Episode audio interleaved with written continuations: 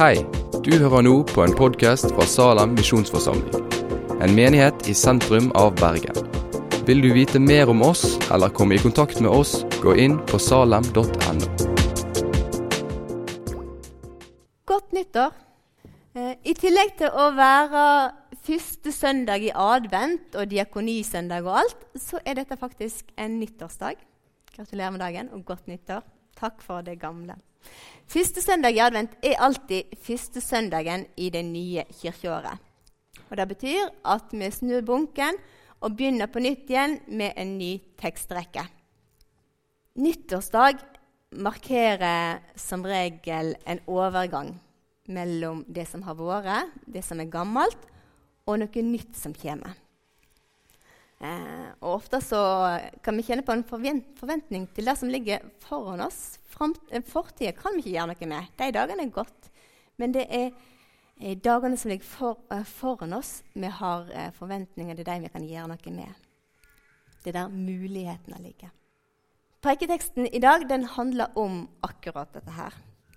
Den handler om en tid som er forbi, og om noe helt nytt som skal komme. Og nå snakker ikke vi bare om et gammelt år og et nytt år. Vi snakker om en tidsepoke som er over, og en helt ny epoke som starter. Eh, I teksten så står vi rett og slett ved et vendepunkt i verdenshistorien som markerer et skille mellom det som har vært, og dette nye som velger fram. Jeg synes Vi kan gjøre sånn som Jesus gjorde når han leser dette. her. Vi kan reise oss og lese dagens preketekst fra Lukas kapittel 4, vers 16 og til 22. Han kom også til Nasaret, hvor han var vokst opp, og på sabbaten gikk han inn i synagogen, slik han pleide. Da han reiste seg for å lese, rakte de profeten Jesajas bok.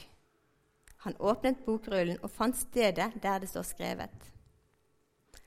Herrens ånd er over meg for han har salvet meg til å forkynne et godt budskap for fattige. Han har sendt meg for å rope ut at fanger skal få frihet, og at blinde får syn igjen. For å sette undertrykte fri og rope ut et nådens år fra Herren.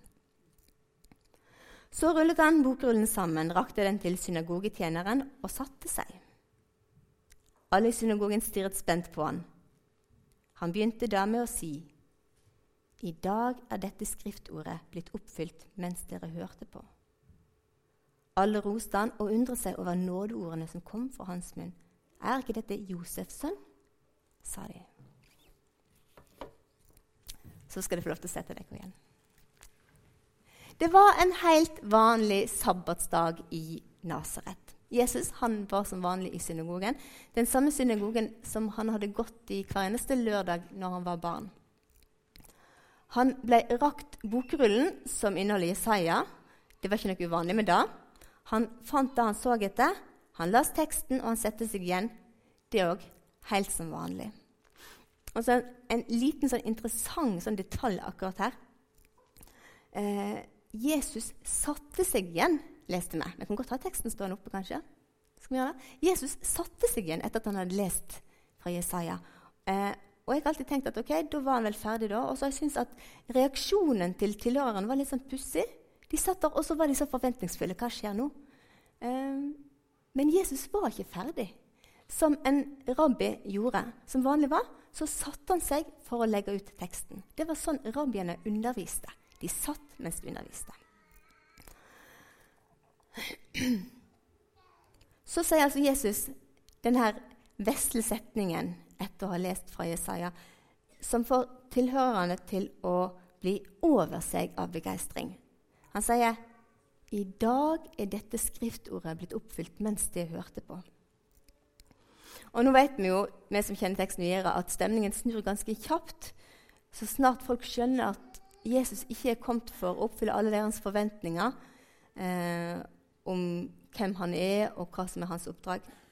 Men det er en annen historie. La oss si, det er samme historien, men vi har mer enn nok med denne teksten her. Hva betyr det at i dag er dette skriftordet oppfylt mer enn det jeg hørte på? Jødene de kjente sin Jesaja. De gjenkjente versene som vi finner i Jesaja kapittel 61. Teksten her er en del av en lang, eh, malende beskrivelse av hvordan det skal bli når Gud griper inn og setter folket sitt fri. Eh, og Israelittene i fangenskapet i Babylon de hadde blitt trøsta av de samme ordene mange hundre år tidligere. Men i de siste hundre årene så hadde jødene hatt forventning om at dette skal skje igjen når Messias kommer tilbake. Jesus han sier at det er han de venter på.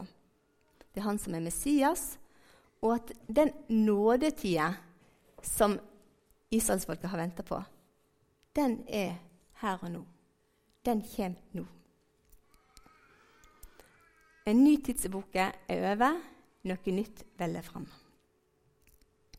Det skjer nå. I verset rett før vår tekst i Jesaja, i Jesaja kapittel 60, vers 22, så heter det 'Jeg er Herren'. Når tida er inne, let jeg det skje i hast.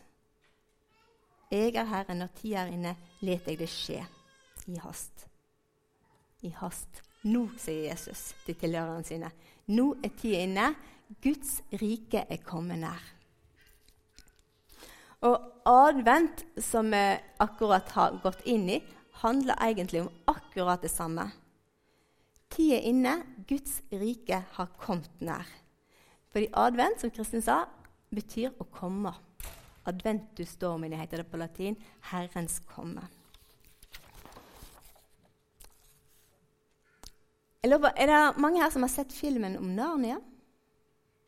Ja, Nikolai har sett. Noen andre? Nesten ingen. Jo, ganske mange. Filmen om Narnia. Eh, andre husker kanskje Narnia fra bøkene. Men i filmen Narnia så får de fram et nydelig poeng som, som ikke er så synlig i, uh, i bøkene. Narnia ligger altså under en forbannelse av heksa hvit, som gjør at det er evig vinter, men aldri jul. Men nå går det et rykte om at det er noe nytt på gang. Den store løven Aslan er på vei. Det er ingen som har sett den ennå, men vinterlandet Narnia blir varmere, nytt liv svirer fram, ettersom han stadig rykker nærmere. Og til dere som har sett filmen, da, kan dere huske dette beverparet, herr og fru Bever, som tar imot ungene som, som har forvillet seg inn i Narnia? Har lagt merke til hva som skjer med disse beverne det, når Aslan kommer nærmere? Eh, ettersom Aslan nærmer seg Narnia, så blir dette kranglete, gamle beverekteparet stadig vennligere mot hverandre. Stadig mer kjærlige, og de endrer seg fra å slenge sarkastiske kommentarer til hverandre til å gå labb i labb i møte med Aslan. Eh, vennligheten mellom disse her eh, Narnia-innbyggerne det er det første tegnet på at Aslan er underveis. Mens vinteren fremdeles dominerer, mens snøen ligger der og alt er kaldt, så er her, eh, denne vennligheten mellom innbyggerne det første tegnet på at Aslan nærmer seg. Og jeg syns det er et helt nydelig bilde. Fordi på samme måte så skal vi som kristne være kalt til å gjøre Jesu komme synlig gjennom verden, gjennom å gjøre godt mot andre. Når Jesus kommer nær, så viser det igjen i hvordan vi oppfører oss mot hverandre. Og legg merke til rekkefølgen her. sant? Når Jesus kommer nærmere, så skal dette vise igjen i oss. Ikke omvendt. Det er ikke våre gode gjerninger som maner Jesus fram, vi vet at vi har ikke sjans til å få Jesus til å komme nærmere oss med måten vi oppfører oss på. Men omvendt. Når Jesus kommer nær, så skal det gjenspeile måten vi oppfører oss på. Tjen hverandre, med, tjen hverandre i kjærlighet, leste Kristin innledningsvis. Og ved å tjene hverandre så skal vi reflektere Guds kjærlighet inn i en verden som for mange kan oppleves enda kaldere enn vinteren i Narnia. Fattige og undertrykte skal settes fri, leste vi i bibelteksten. Og så kan en innvende at denne teksten her, denne bibelteksten først og fremst handler om at det er vi som er fattige, vi som er døve og blinde, og som trenger et nådeår, og at teksten handler om at Jesus er kommet for å tilby vår frelse. Og det er sant. Det er helt sant. Men i denne bibelteksten så ligger det òg en appell til oss som er kristne, til å sette fanger fri, til å sette undertrykte fri, til å vise godhet mot fattige. For det skal merkes på måten vi oppfører oss på, at vi hører til Jesus. Vi er kalt til å tjene hverandre i kjærlighet. Det er kanskje litt på siden, men jeg har lyst til å dele med dere en sånn aha-opplevelse som jeg fikk for en stund siden. Det, jeg kjenner den bibelteksten eh, der Maria kommer og salver Jesus sine føtter med en veldig, veldig dyr olje. Eh, og så kommenterer disiplene dette sløsing fordi at denne salven kunne vært solgt, og pengene kunne vært brukt til de fattige. Og så svarer Jesus de fattige har det alltid dykk, men meg har det ikke alltid.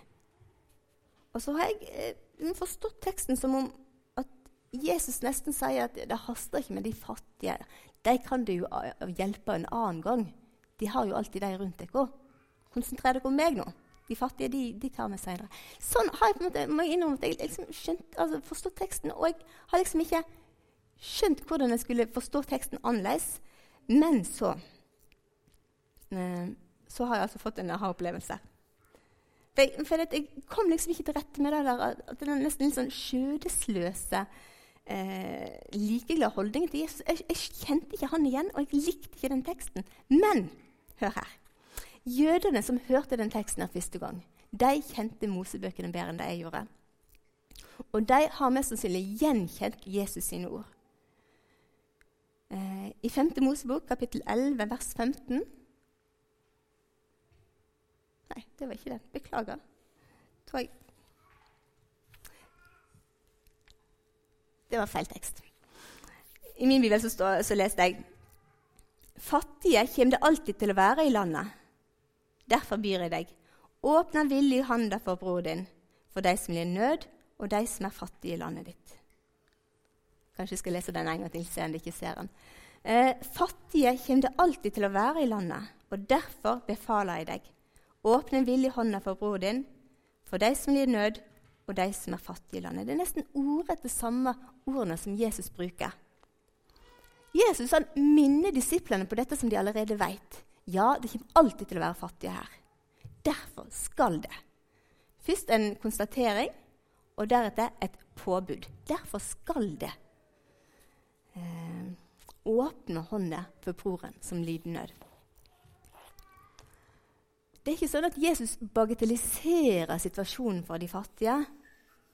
Det er ikke sånn at Han ber oss se vekk fra dem og tjene ham. Han sidestiller seg med de som er fattige, med de som lider nød. Eh, han sidestiller seg med de mest sårbare, og han sier at det å tjene meg og det å tjene de fattige, det er faktisk samme sak. Det er det samme. Alt det som de gjorde mot en av mine minste søsken, det har de gjort mot meg. Der kan vi lese i Matteus 25. Alt det jeg gjorde mot en av mine minste søsken, det gjorde det mot meg, sier Jesus. Jesus sidestiller seg med de fattige, å tjene de som lider nød rundt oss, det er det samme som å tjene Jesus. Og I dag så feirer vi diakonisøndag her i salen. Diakoni betyr ordrett det å være til tjeneste eller å ha omsorg for hverandre. Diakoni er evangeliet i handling. Og Salem står i en tradisjon som strekker seg helt tilbake til urkirka, når vi har organisert en form for omsorgsarbeid i menigheten vår. Og her i salen så har vi to slags diakonale armer som vi ønsker å tjene Bergen med. Og Det ene er nærmiljøsenteret vårt, og det andre er Åpen barnehage her. Og Jeg skulle ønske at jeg kunne vært her i Salem en vanlig tirsdags formiddag når det står 30 jeg tuller ikke, 30 vogner i gangen nede i kjelleren. Og det auler med folk, og du hører språk fra alle verdens hjørner. Vi trenger ikke mase om at folk må komme til Salem. De er her, og de kommer helt frivillig. Og de kommer igjen gang etter gang. etter gang. De er her i bygget vårt. Og de kommer igjen fordi de får et eller annet som de opplever som godt. Og de blir møtt med varme og omsorg av nydelige medarbeidere. Eh, det står kanskje førskolelærere eller et eller annet sånt i stillesinstruksen, men de som jobber i åpen barnehage, de er diakoner. De er definitivt diakoner. Eh, Jord Marie er her. Du er i åpen barnehage. Eh, Kari Viksund, som er pedagogisk leder, er ikke der. Men Kari Årsland er der. Hun sitter midt i der. Se på Kari Årsland. Hun, hun, har vært her en stund. Men, men, det som er helt nytt, er at hun har gått inn som styrer i åpen barnehage. Det kan, så fikk vi sagt det. Okay. Eh, nå er det Kari Aasland som er styreren vår der. Reidun Myking er kanskje her. Hun gjør en nydelig innsats på torsdagene i, i barnehagen. Ja. Nydelige folk. Uh, Elisabeth er her, kanskje? Nei. Elisabeth Giske Ødegaard er òg i barnehagen. Nydelige folk som driver en diakonal virksomhet i kjelleren vår eh, i hverdagene her. I snitt har det vært rundt 26 uh, eh, barn hver dag med foreldre, med besteforeldre eller hvem det nå er de kommer i følge med. og det er det beste snittet vi har hatt siden oppstarten for ni år siden. Arbeidet i Nærmiljøsenteret skal vi høre litt mer om seinere. De driver et nydelig, fint arbeid eh, med norskopplæring og med, med, omsorg for rusmisbrukere, besøkstjeneste, praktisk hjelp osv. Eh, kan ikke dere rette opp hånden det som er med i Nærmiljøsenteret? Som har hatt eller som har en tjeneste i Nærmiljøsenteret? Ja, så beskjeden. Litt høyere, da. sant? Setter, ja, sant? Vet du hva? Vi klapper for barnehagen, vi klapper for alle som har tjeneste i nærmiljøsenteret. Mm. Hvis det har noen spørsmål til meg, enten barnehagen eller nærmiljøsenteret, så, så huk nå tak i disse flotte folkene her og hør hva de driver med. For det er spennende de historiene som de kan fortelle om arbeidet der. Naturligvis blir det drevet masse godt diakonalt arbeid eh, i Salem eh, av Salems medlemmer, som ikke er organisert i disse to armene her. Og det blir drevet godt arbeid av folk som ikke ville tenke på det de driver med som diakoni, eller tenke på seg sjøl som diakoner. Diakoni handler om omsorg for vår neste, eh, og omsorg for vår neste sine behov. Og De behovene de kan være åndelige, eller sosiale, sjelelige eller fysiske. Eh, og fordi disse behovene er så utrolig forskjellige, så vil diakoni òg se veldig veldig forskjellig ut. Diakoni kan handle om å tilby nabobarn skyss til fotballtreningen. Det handler om å gå på sykebesøk, støtte MAF sitt arbeid Måke trapper til en som er dårlig til beins, fikse vaskemaskinen til noen som trenger det, ta en kaffekopp med noen som trenger noen å prate med. Og Jeg hører sjøl at dette her høres utrolig sånn trivielt ut og ekstremt uåndelig ut. Altså, hvor er Jesus i, eh, hvor er Jesus i dette her? Hva har Jesus med fotballtreninger og snømåking og ødelagte vaskemaskiner å gjøre? Hva har Jesus med kaffekopper å gjøre? Svaret er alt. Vår nabo sine behov angår Jesus.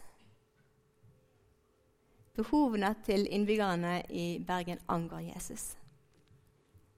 Nytt spørsmål.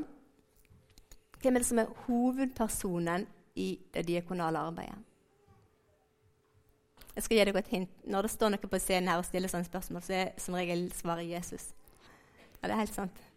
Jesus er hovedpersonen i det sosiale arbeidet, i diakonale arbeidet vårt. Hvorfor da? Fordi diakoni skjer på hans befaling. Det skjer i hans kraft, og det skjer til hans ære.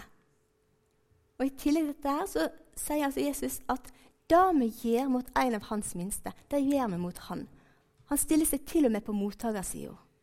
Ser dere at Jesus sitter liksom rundt hele bordet i omsorgsarbeidet, i diakonien? Jesus er liksom rundt hele bordet i diakonien. Han er oppdragsgiveren vår. Det er på hans befaling vi driver omsorgsarbeid. Det er hans kraft vi virker, fordi vi vet hvor utrolig lite vi klarer i oss sjøl. og alt skjer til hans ære. Den korteste veien mellom to mennesker går alltid gjennom Jesus. Den korteste veien mellom to mennesker går alltid gjennom Jesus. Fordi det er han som har lært oss å elske. Uten han så er vi ingenting. Jesus er aldri noen omvei hvis du skal nå et annet menneske. Av og til kan en få en følelse av at diakoni er en slags plan B. Eh, idealet er liksom da å vitne for naboer eller hvem det skulle være, med ord. Men at vi som er litt for sjenerte og litt for pinglete, har liksom fått en, sånn, en annen løsning, da, en sånn der, eh, kriseløsning. Vi kan i det minste være snille mot folk. Eh, diakoni blir liksom en slags misjon for pingler. Misjon for oss som ikke tør å evangelisere. Men altså eh, Selvsagt skal, vi, selvsagt skal vi bruke ord. Selvsagt skal vi vitne for folk rundt oss med ord. Men vi har altså et helt selvstendig kall til å gjøre godt mot folk. Ikke bare som et middel for å oppnå noe, men fordi vi er kalt til det. Jesus har kalt oss til å gjøre hans gjerninger. Sånn til slutt um, Så la oss gjøre godt mot alle så lenge det er tid, leste Kristin innledningsvis. Men mest mot de som er vår familie i trua. Og det betyr at det å drive diakoni ikke er en sånn, kun en utadretta virksomhet for menigheten. Det handler om å leve sammen som en familie, som en menighet. Vi skal faktisk ha en spesiell omsorg for hverandre her i Salem. Vi er kalt til å vise spesiell omsorg for hverandre i menigheten.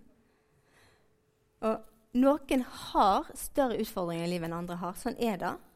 Men de aller, aller fleste av oss de opplever dager i livet som ikke er gode. Som er krevende, eh, som gjør at vi har mer enn nok med å kare oss gjennom dag for dag for dag.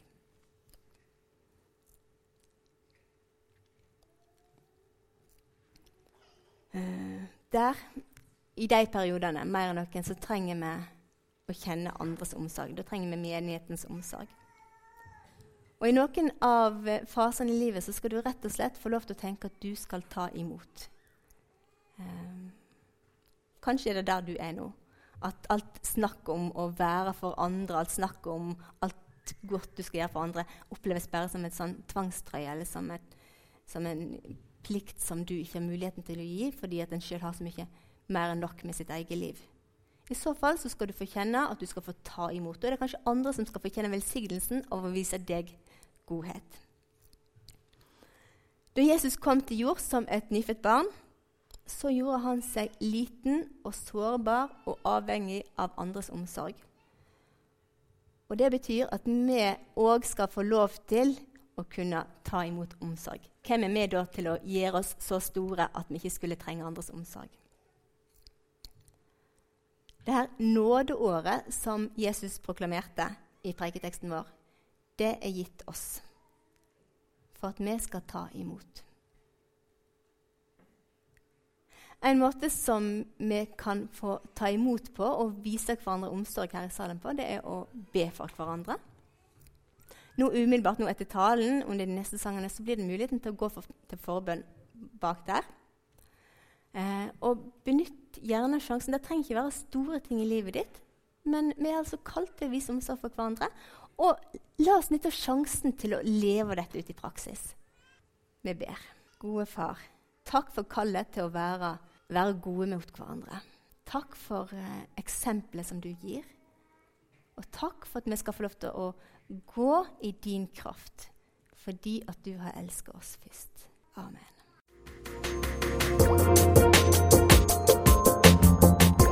Takk for at du har hørt på podkasten fra Salem, Bergen. I Salem vil vi vokse i et stadig dypere fellesskap med Gud og med hverandre. Vi vil være Jesu hender og føtter, og vi vil være med og forkynne frelse for Bergen og resten av verden. Besøk oss gjerne på salem.no om du vil vite mer.